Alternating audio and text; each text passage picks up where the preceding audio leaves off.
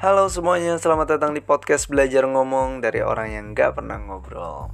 Uh, Pertama-tama, gue mohon maaf ya kalau misalkan banyak suara mobil, motor lewat.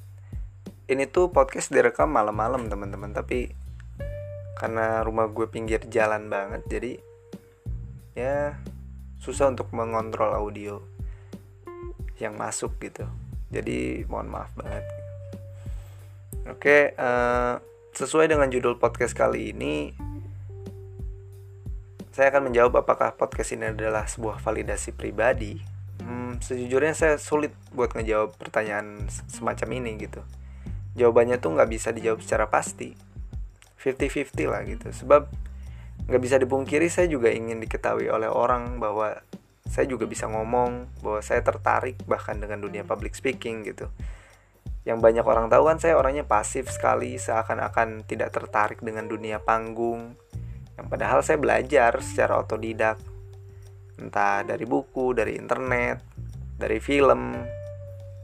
Ya, dan dari beberapa sumber lainnya gitu. Dan sejujurnya saya juga pernah waktu SMA gabung di komunitas stand up comedy yang basicnya adalah ngomong kan gitu. Saya banyak belajar tuh dari situ tapi udah lama saya nggak lakukan lagi Nah, di samping pembuktian dan memberitahu orang bahwa saya pun bukan orang yang gak suka ngomong, siapa sih orang yang gak suka ngomong gitu kan? Suka ngomong terus didengarkan lagi, pasti semua orang suka.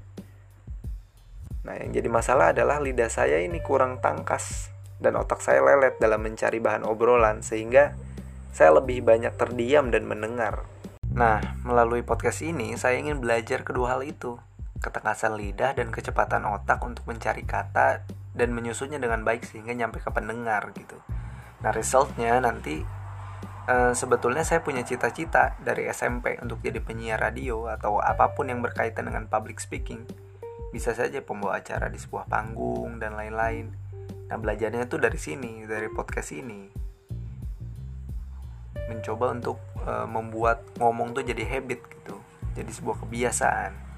Oke, jadi tujuan saya untuk podcast ini adalah dua hal. Tujuan saya membuat podcast ini. Yang pertama, ngasih tahu orang bahwa saya juga suka dan sedang belajar ngomong dan yang kedua adalah saya ingin belajar dan praktek sekaligus.